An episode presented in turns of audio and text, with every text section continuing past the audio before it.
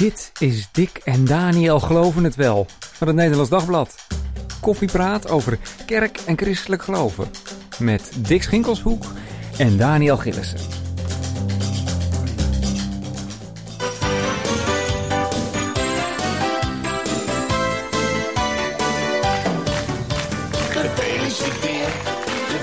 Ja, sorry. Maar wij kunnen deze podcast, uh, Daniel, natuurlijk niet beginnen voordat we jou van harte hebben gefeliciteerd met je verjaardag vandaag. dat is een verrassing, jongens. Ja, dit, uh... Wat gebeurt hier?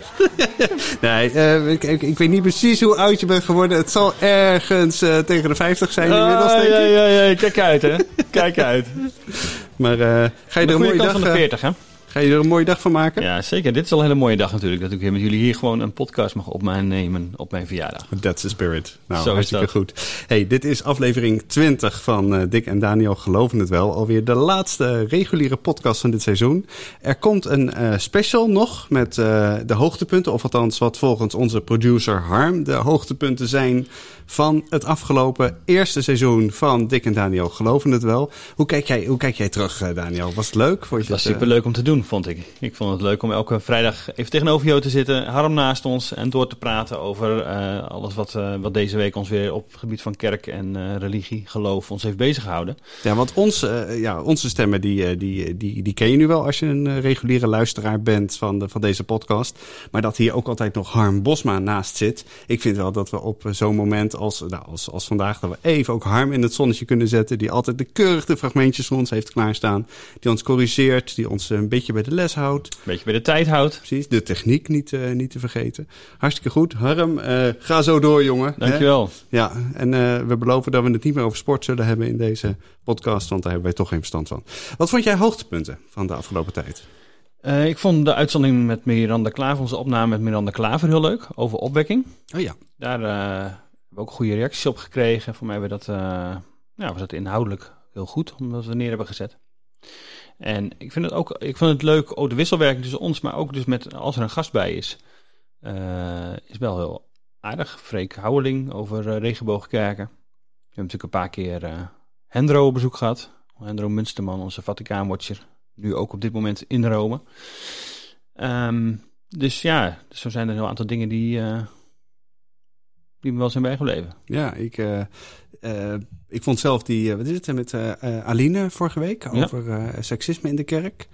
En weet je eigenlijk wat de best beluisterde aflevering is van dit eerste seizoen? Ja, dat weet ik. Over het vrouwelijk, vrouwelijk orgasme met ja. um, Hendro. Precies. Dat was die keer dat ik ziek was. dus ik weet niet of de samenhang was, niet was, dat ik er niet was, dat hij daar dus goed beluisterd werd, of dat het over het onderwerp waar het over ging. Maar dat is een hele goed beluisterde podcast, weten wij inderdaad. Ja, ik vrees dat dat ook gewoon met het onderwerp te maken had. Maar dat, uh, de anderen waren minstens zo, uh, zo boeiend, uh, ja. kan ik zeggen. Dus luister ze, luister ze vooral terug. en wij gaan nu naar het eerste onderwerp van, van deze podcast.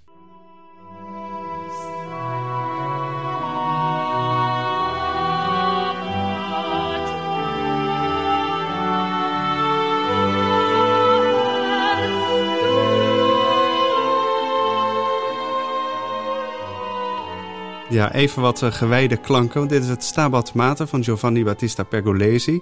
Uh, wat uh, minder bekend, denk ik, dan het Ave Maria bijvoorbeeld van Gounod. Maar wat mij betreft een van de mooiste muziekstukken die ooit ter ere van Maria is gemaakt. Want over haar gaan we het vooral hebben in deze, in deze podcast. Heb jij iets met Maria, Daniel?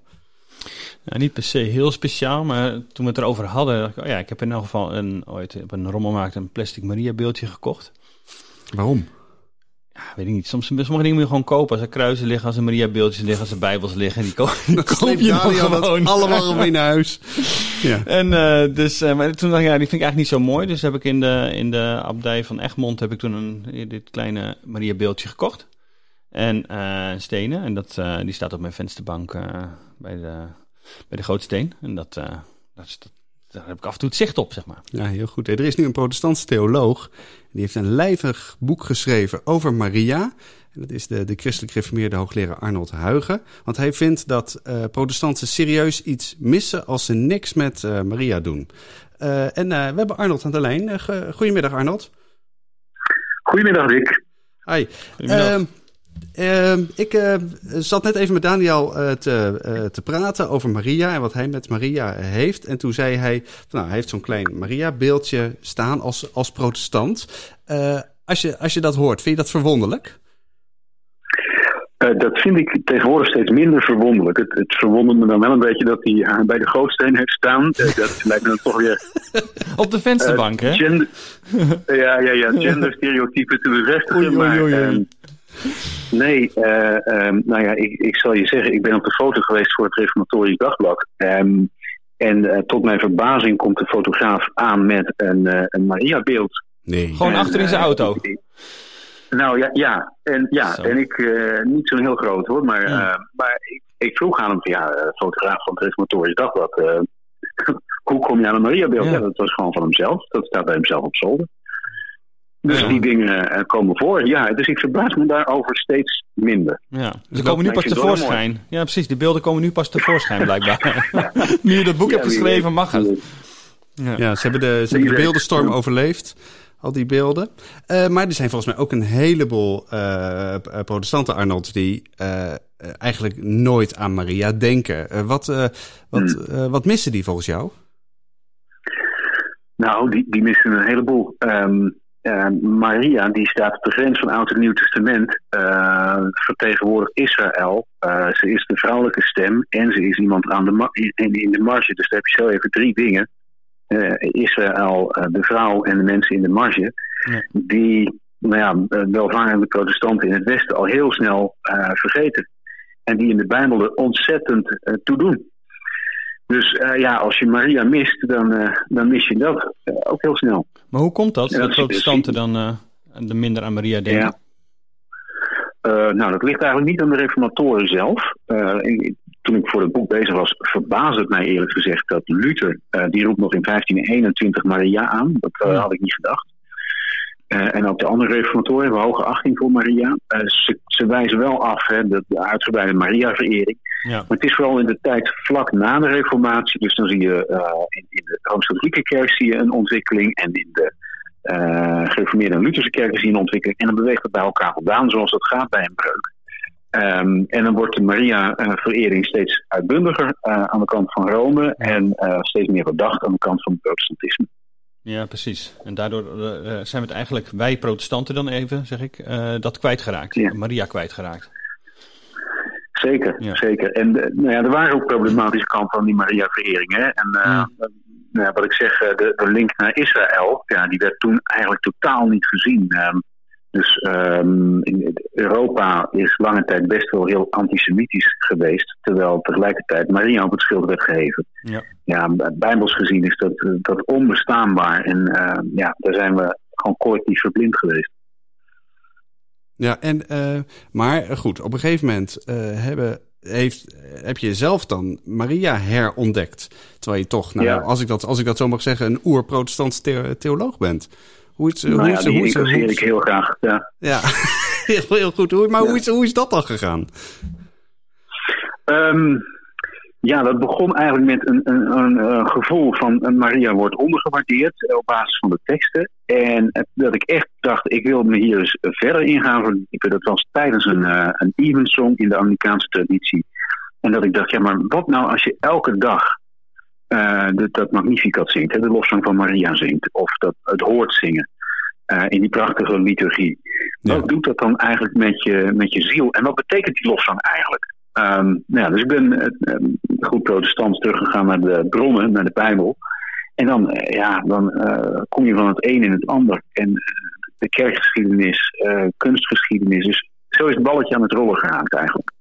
Ja, want het is niet zo dat Arnold Huigen langzaam richting Rome kruipt. Ja, wie weet. Dus zo, zo denk ik eerlijk gezegd uh, niet.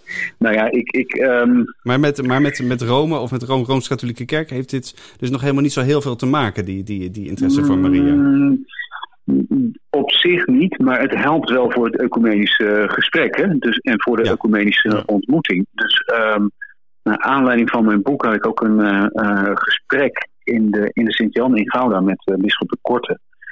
uh, over de betekenis van Maria. En dat was heel, heel boeiend. En over het meeste worden we het wel eens. Alleen uh, ja, de laatste twee Maria-dogma's van, uh, van de kant van Rome niet. Dat is dan ook direct een flinke obstakel. Maar over veel aspecten van Maria kun je het best heel goed eens worden. En wat zijn even die twee dogma's? Waar, het dan, waar je niet over eens wordt? Die twee dogma's, dat is de onbevlekte ontvangenis van Maria en dat is de ten hemelopneming van Maria. En die zijn afgekondigd respectievelijk 1854 en 1950. Uh, um, maar goed, als ik dan hoor uitleggen, hè, um, uh, uh, en nou ja, dat wil ik dan ook serieus nemen, van die onbevlekte ontvangenis, dat draait erom dat, dat God Maria zuiver maakte. Dus, um, en dat God een zuivere Maria in dienst neemt en het ten hemelomneming. Dat betekent, ja, maar Maria is uiteraard bij Christus geborgen. Nou ja, oké, dat, dat lijkt me heel goede punten. Alleen denk ik dat die dogma's echt nog wel wat verder gaan dan dat. Mm. Nu kennen de protestanten natuurlijk ook de lofzang van, uh, van Maria achterin hun, uh, hun, hun mm -hmm. achterin hun psalmboek of ergens halverwege hun gezangboek. Ja. Dat ligt er maar net even aan wat ze, wat ze hanteren. ja. Maar ja, daarvan zeg je ook, maar die wordt veel en veel en veel te weinig gezongen. Eigenlijk alleen maar voor, in die paar weken voor, voor kerst, denk ja. ik. Ja, ja, en dan komt er dus heel erg in de sfeer van de verwachting te staan. En dat is op zich ook goed. Alleen er zitten allerlei kanten aan dat lied. Het is een soort, um, ja, een soort concentratiepunt van die oud-testamentische psalmen, maar dan in een nieuw-testamentische setting. Uh, dus het gaat over bevrijding, over het Rijk van God dat baan breekt, maar ook over al die uh, sociale verschillen die er heel erg toe doen. Hè. Ben je rijk of arm, ben je machtig of ben je uh, zwak? ja, als God komt, dan gaat dat allemaal aan de kant. Dus het is een heel um, revolutionair lied. Een, een lied dat ook echt past bij het koninkrijk van God dat komt. En om dat nou alleen tot de adventstijd te beperken. Ik denk dat er wijsheid zit in die kerkelijke traditie. Die, uh, die het dus uh, in beginsel elke avond uh, terug laat komen. Elke avond. Dus zelfs niet alleen elke zondag, maar elke avond liefst. Nou ja, dat zit in de Rooms-Katholieke Vespers en dat zit in de Anglicaanse Evensongs. En Luther, Luther die kende deze traditie. En hij zei, ik ben het met die traditie oneens om eenmaal per dag het Magnificat te zingen. Want je moet het tenminste tweemaal doen. Dat is Luther. tweemaal daags. Maar je wil de protestant niet meteen helemaal uh, gek maken. Dat, dat meteen, nou, één keer per dag is dan al heel mooi. Ja, ja, ja. Nee, dus uh, we moeten daar ook wat, wat maat in houden. Maar ik bedoel te zeggen, we zijn wel helemaal naar de andere kant doorgeslagen. Ja.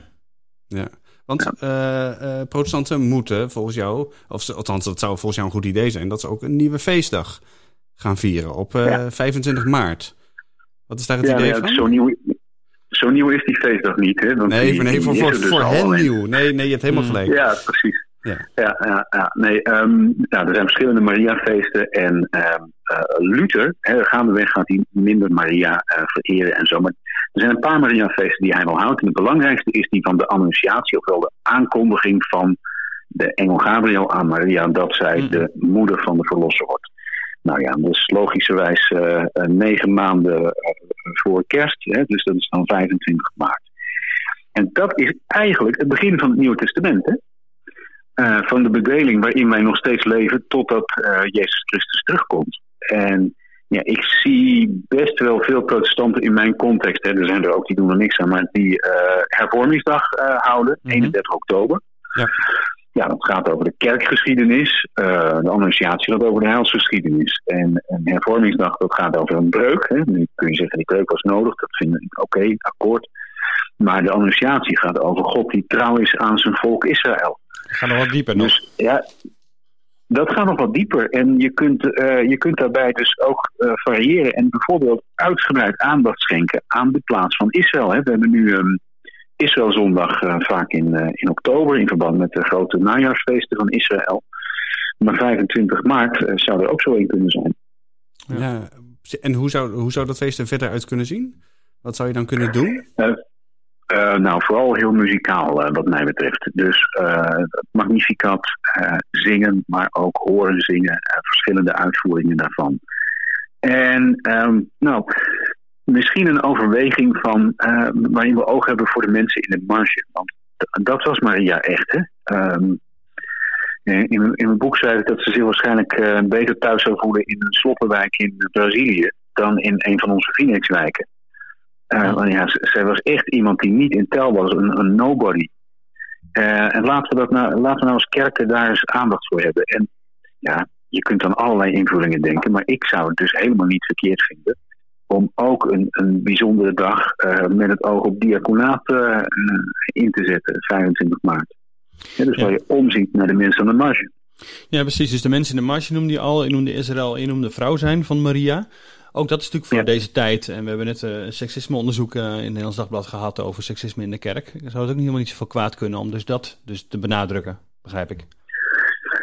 Ja, dat klopt. Ja, ik, ik heb het gewaagd in mijn boek om uh, Maria aan te leggen tegen hedendaagse gendervraagstukken. Mm En dat is wel heel interessant. Uh, nou ja, uh, zij is wel gebruikt zowel als model van maagdelijkheid en moederschap, hè, om, mm -hmm. om aan meisjes voor te houden, hè, een rolmodel. Ja. En aan de andere kant is zij door feministen omarmd, omdat ja, zij krijgt nou eens een kind zonder dat ze een man nodig heeft. Dus zij is de ultieme zelfstandige vrouw. Ja, precies. Ja, ja, ja. Uh, dat, dat, dat, dat klinkt dan een tikkeltje gezocht, maar het is wel uh, spannend om, om naar Maria te kijken en te zien wat het nou betekent dat we man zijn of vrouw zijn. En um, zij staat in de apostolische geloofsbelijdenis als, uh, als onderstreping dat God echt vlees geworden is. Het vlees van ons vlees.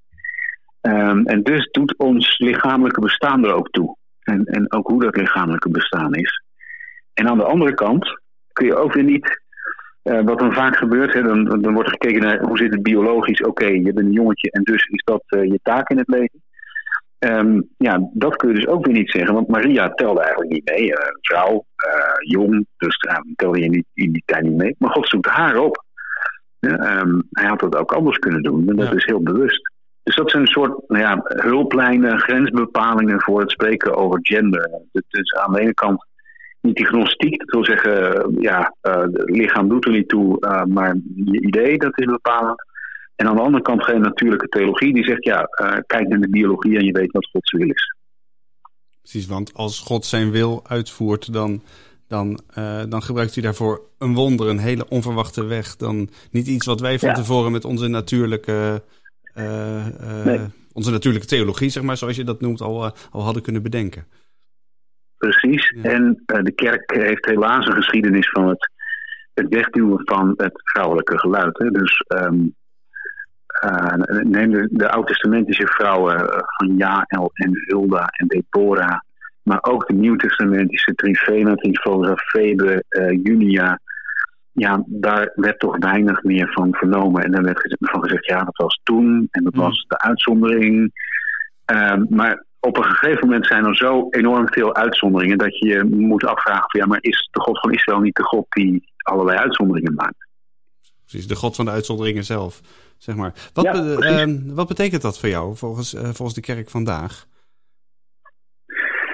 Ja, dat, dat betekent dat uh, vrouwen de, de ruimte moeten krijgen die bijbels gezien past. Um, en dan zit je altijd met het heel ingewikkelde dat je aan de ene kant ziet in, in een vrouwenvriendelijke cultuur toen uh, kregen uh, in het christelijke kregen vrouwen veel meer ruimte dan gebruikelijk. Hè. Dus in ja. Mhm. konden ze profiteren en alles doet de groeten aan diverse vrouwen die functies hadden in de kerk van toen.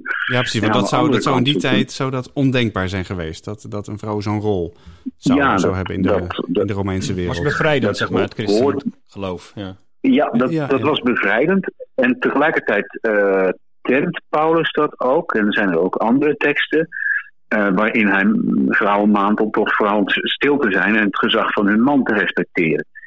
En de, de uitdaging voor de kerk van vandaag uh, is om het daarbij uit te houden. Dus um, om aan de ene kant dus die vrouwelijke stem die lang is uh, te honoreren. En aan de andere kant dan niet van weeromstuit alle verschil tussen man en vrouw te willen uitwissen in een, in, um, in een soort gelijkheidsdenken. Uh, want juist die, de, de, de verschillen tussen man en vrouw, maar vooral tussen mannen en vrouwen, um, ja, die zijn ook heel erg waardevol. Maar hoe doe je dat praktisch nu dan? Er gaat natuurlijk veel discussie over vrouw in het ambt, is dan een van de, de zaken. Ja. Um, hoe geef je dat dan praktisch vorm, deze twee kanten die je noemt? In zo'n in zo'n soort kwestie? Um, nou ja, voor de christelijk gereformeerde synode uh, die zich uh, buigt over vragen van uh, zaal en ambt, heb ik um, samen met twee collega's, uh, Reiner Hertog en Maarten Kater, een advies geschreven over de ambtstructuur. Mm -hmm. Waarin we een, een, een, idee hebben gepresenteerd van, nou ja, als je nou werkt met een soort bisschop, en dat is sowieso een heel omstreden term natuurlijk, met een soort bisschop, en je ja, dat ja, is Menno. Ja. Ja, en, en dan voor de rest uh, vorm je daaronder een ambtstructuur waarin ook vrouwen een plek uh, kunnen krijgen. En nou ja, we hebben daar in één zinnetje opgeschreven uh, dat als de diaken uit de kerkenraad wordt gehaald, waar best wel goede argumenten voor zijn, ja, dat het dan al helemaal een no-brainer is dat vrouwen een diaken kunnen zijn. En juist op dat zinnetje sloeg een belangrijk deel van de synode behoorlijk aan. Ja. In, in, in, in positieve zin. Nee, nee, nee, dat oh. was wel waar. Nee, nee, nee, oh, nee, nee, nee, dat zag ze juist niet zitten. ik vond het een origineel, uh, origineel idee. Maar ja, nou ja, uh, dank, je, dank je wel. We, we, waren er eigenlijk ook vrij snel uit. Uh, van als je vanuit de huidige ambtstructuur wat wilt, dan zul je ofwel uh, richting het laagkerkelijke moeten gaan. Dat gaat het toch wel als je, als je dingen een loop laat hebben. Dan gaat het richting hoe het in de evangelische kerken gaat. Ja. Of je zult een, een, een moedige beslissing moeten nemen in, uh, in lijn met de reformatorische traditie. Uh, die toch nieuwe inzichten wel, uh, wel verwerkt. Ja, het, uh, het voorstel hangt nog steeds. Hè, dus er zijn diverse dossiers in de gereformeerde synode die nog moeten worden afgehandeld. Door corona is het ja. ook allemaal vertraagd. Dus ja, we zullen zien waar dat nog eens uitkomt. Ja, nee, maar die, die bisschopsstructuur zou nog veel verrassender zijn natuurlijk, als je dat invoert. Ik bedoel, dit is nog een beetje, zeg maar, een soort, nou ja, ja. we doen het, we, we, proberen een beetje een manier te vinden om de vrouw ook een plek te geven. Zo zou je het ook kunnen, ja. kunnen opvatten misschien. Maar, uh, nee, maar dat, dat is waar. Kijk, dat is waar. En tegelijkertijd uh, hebben we nu al informele bisschoppen. Hè? Dus er zijn enkele mensen in de kerken die, uh, als er echt serieuze problemen zijn, die worden gebeld en die worden erbij betrokken. En dat is ook goed, want die hebben daar ook gaven ja. voor. Ja, zou je kunnen formaliseren en dan ja, ben je eruit. Wel, wel goed wel goed inbedden. Hè? Dus in een structuur waarin ze ook verantwoording moeten afleggen. Want je moet mensen niet zomaar Um, ja, eigenlijk zoals de klassenpredikanten in de, in de ja, PKN. Precies, die, zijn, die, die dan geen, ja, die mogen dan geen bisschop heten. Ik wou zeggen, dat woord bisschop is daar... Daar heb ik een lange pleidooi voor gevoerd om die bisschoppen te, te noemen. Maar het haalde het niet. Ja, dat is gesneuveld inderdaad. Daar, maar, uh, ja. Ja, en dat, dat, nou ja, we komen van het een op het ander, maar dat verbaast me wel in de, in de PKN dat ze nu wel uh, de, de pastor uh, willen invoeren. Ja, dus de, het traditionele begrip bisschop is afgewezen, maar dan uh, krijg je een pastor naast een predikant. Ja. Terwijl ja, uh, een pastor is toch een predikant. En, ja. en in Rome, in, in, de Rooms-Katholieke kerk, heb je de pastoor. Dus ja, als er nou één term verwarring schept, dan zou dat niet de term bisschop zijn, maar dat ja. is wel de term pastor. En heeft er niks met, met mannelijk en vrouwelijk te maken, maar met het opleidingsniveau. Dus dat is ook weer een... Allemaal, zo worden allemaal uitvluchtjes verzoeken, dingen verzonnen in de kerk, hè? Ja, precies. Ik stel voor dat we even, even terug, terug naar Maria gaan. Want we gaan het hier nog wel eens een keer uh, vaker over hebben, Arnold. Uh, uh, zoekers, zeg jij helemaal aan het begin van je boek, die lijken eigenlijk Maria uh, sneller te kunnen vinden dan bijvoorbeeld uh, uh, Christus. Terwijl Daniel en ik hadden even van tevoren hier, hier, een voorgesprekje over. En wij zeiden eigenlijk allebei van ja, als we op vakantie zijn in Frankrijk of zo en we lopen, lopen de katholieke kerk binnen, doe, doe ons dan doe, maar een Christus. Doe wel eens in Nederland hoor, maar goed. Ja, in, of, verder, in, of, in, Nederland. Ja, op een of andere manier kom ik daar vakantie altijd veel meer aan toe. Dat zeker. Maar terwijl dat voor zoekers dus, dus blijkbaar niet zo werkt, lijkt Maria toegankelijker te zijn dan dan Christus. Waar, uh, waarom, waarom, waarom is dat, denk je? Nou, het gaat wel over een bepaald type zoekers, denk ik. Hè. Dus ik zie dat met name bij um, ja, wat, wat, wat hoger opgeleide mensen die uh, zijn opgevoed met een soort aversie tegen uh, religie. Eigenlijk vanuit de jaren zestig. Um, en kom je nou bij een beeld van Christus, even voor alle helderheid, voordat ik allerlei mails krijg. Hè. Dus als ik moet kiezen tussen Christus en Maria, kies ik ook Christus, elke dag van de week. Ja. Um, maar uh, Christus stelt je wat meer voor een keus. Dus uh, hij, hij is het of hij is het niet. Hè? Hij is de zoon van God of hij is het niet. Terwijl Maria, daar zit wat meer interpretatieruimte omheen. Dus daar kun je, ja, je, je kunt iets hebben met Maria zonder dat je meteen een christen of een pseudo-christen bent. En die ruimte, ik meen te merken dat, dat mensen dat aanstaat. Hè? Dus dat je ook even de ruimte hebt om, om te kunnen nagaan van ja, dat christelijk geloof uh, is dat het nu voor mij? En dat is even heel postmodern gezegd, maar dat is wel hoe het gaat. En ik vind dat, ik vind dat opvallend. Um, nou ja, uh, Ilja Leonard Vijver, uh, niet een christen, de, volgende, de laatste keer dat ik checkte. Nee, uh, nee. eigenlijk best wel een, een stevige atheïst.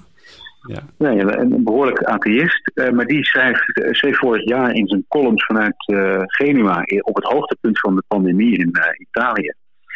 schreef hij notabene dat hij dan toch maar de kathedraal was binnengewandeld en naar dat bronzen Maria-beeld keek. En dan krijgt hij een soort bijna religieuze ervaring die hij dan eigenlijk niet wil toelaten. Ik vind dat zo fascinerend, dat gebeurt daar. Ja, want dat vind je niet per se dus, negatief, hoor ik.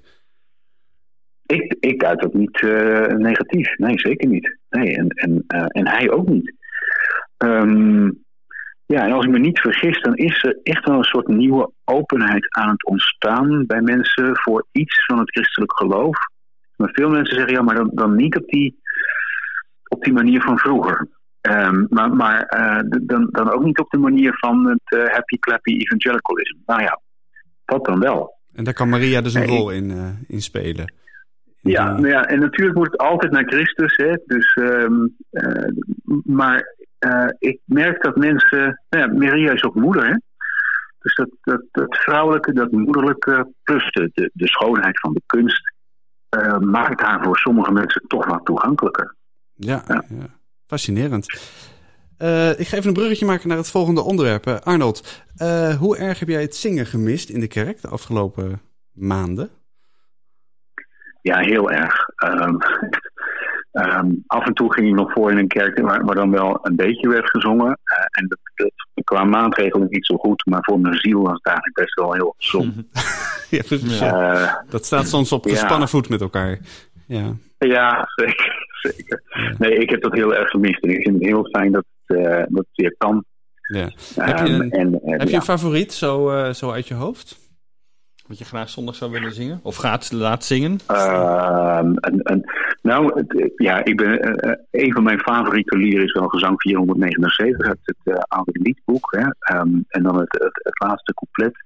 Laat dan mijn lof u toebehoren en laat me door de wereld gaan met open ogen, open, open oren. oren ja om al uw tekens te verstaan. En als je bedenkt dat Jan Wit dat heeft gemaakt, die, die bijna zijn hele leven blind was, dan lees je dat op nog weer een nieuwe manier. En ook ten aanzien van Maria uh, vind ik dat echt prachtig. Ja, precies. Dat is het. Wat is het? Dan is het aardse leven goed omdat de hemel mij begroet. Zo is het. Nou, ontzettend bedankt uh, Arnold dat je hier bij ons wilde zijn in de podcast vandaag. Uh, Arnold Huigen heeft dus uh, geschreven Maria, icoon van genade, sinds deze week in de boekhandel. Arnold, nou, we zijn heel benieuwd hoe je boek ontvangen gaat worden en we spreken elkaar snel weer. Dag. Dat hopen we. Tot later. Bedankt. Goeiedag. Dag.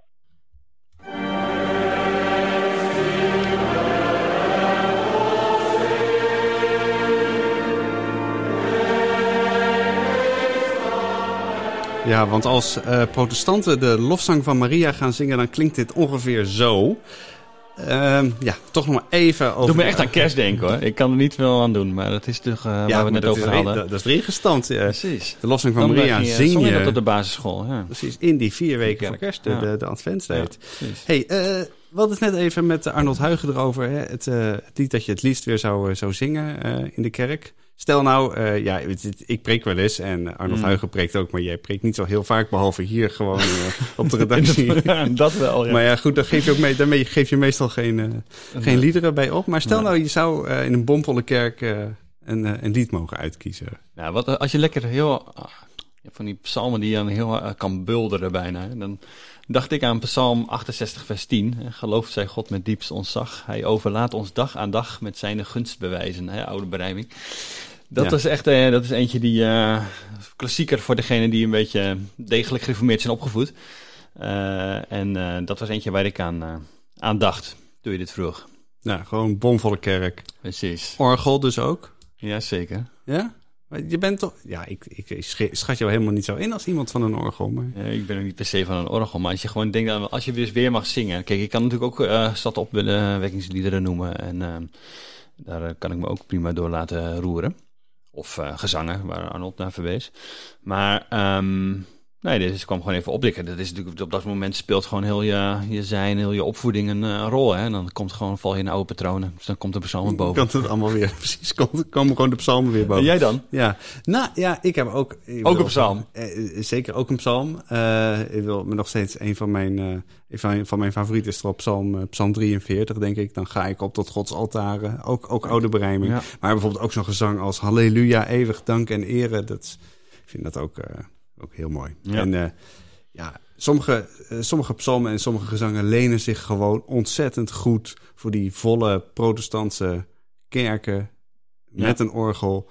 Precies. Bovenstem hoeft niet per se van mij, maar... Maar dan buldert het wel, ja. Ja, precies. Dan laat het dak maar, uh, laat het dak maar trillen. Maar dat kan dus weer een beetje. Nou, niet met zoveel mensen natuurlijk nog, want het is nog steeds op anderhalve meter. Dus uh, ik begrijp ook wel dat kerken met duizend mensen ook nog uh, steeds met 300 mensen kunnen ontvangen en niet meer. Kun je maar goed, kun je behoorlijk, behoorlijk zingen natuurlijk. hoor. Nou. Maar ik denk af en toe wel van, is het wel wel verstandig. De Rooms-Katholieken hebben natuurlijk gezegd, de bisschop hebben gezegd, even wachten nog met dat zingen. Ja, die gaan want, het niet doen, hè? Gezegd, nee, precies. En uh, dan gebeurt het ook niet natuurlijk. Zo werkt dat in de, in de katholieke kerk. Ja. Um, um, maar, maar jij vindt dat... Ik ah, ja. zie jou daar wel een beetje... Jij vindt dat wel oké, okay, volgens mij. Ja, ik denk nog een beetje voorzichtig opbouwen op een of andere manier. Maar goed, Rutte heeft natuurlijk gezegd, uh, de poorten kunnen open, dus uh, ga je gang ongeveer. En uh, zelfs gepleit wordt natuurlijk voor, voor een anderhalve meter los te gaan laten en zo. Maar ik moet het nog een beetje zien. Ik ben ehm, ja, benieuwd hoe dat gaat, gaat lopen en of we inderdaad hier het helemaal van het slot kunnen gooien. Nou, voor mij mag het hoor. Kom op, zeker, zeker zingen. Er zijn ook allerlei onderzoeken ook weer geweest. Daaruit blijkt dat het ook wel weer meevalt met dat, met dat extra besmettingsgevaar. Nou, dan verwacht ik zo dat jullie even voor mij gaan zingen straks. Uh, als we klaar zijn hè, met deze podcast. Als, ik, ik wou zeggen, als, als, de opname is afgelopen, dan gaan wij langs als leven voor je zingen. Absoluut. Hey, nog even een klein oproepje. Daar krijgen we niet voor betaald, maar ik vind het wel een ontzettend leuk, leuk initiatief. De monniken van Abdij Koningshoeven bij Tilburg, die hebben 15.000 kilo 15.000 kilo. Moet je even voorstellen. Ik weet niet, wat, wat weegt zo'n eh, zo'n grote ronde kaas? Ik heb zo. Wiel? Maar uh, behoorlijk dat, dat zijn dan, nou goed, en daar... Stel je dan voor een heel aantal rijen van die, met, die, met die kazen. Komt natuurlijk allemaal door corona. Hè? Die, die, die koeien die, eh, die zijn melk blijven geven. En die broeders die zijn maar kaas blijven maken. En ondertussen werd er niks verkocht. Daar moeten ze nu van af. Wil je ze helpen? Koop een beetje kaas bij die monniken. En een goed doel, hè? Het gaat naar Oeganda. Het wordt daar geïnvesteerd in een dorp dus het wordt er echt goed besteed. Dus het is niet voor de, de abdij zelf. Het gaat gewoon zo naar uh, Oeganda. Trappistenkaas.nl kun je daar een paar kilootjes uh, bestellen. Ik ga het in elk geval doen. Mooi, ik ook. Ja. Nou, dit was het uh, weer voor deze keer. En dus ook de laatste normale van dit seizoen. Dankjewel voor het luisteren. En vind je dit nou een leuke podcast? Like ons, reageer via geloof.nd.nl. Geniet van je zomer en we zien je daarna weer heel graag terug. Doeg! Tot september.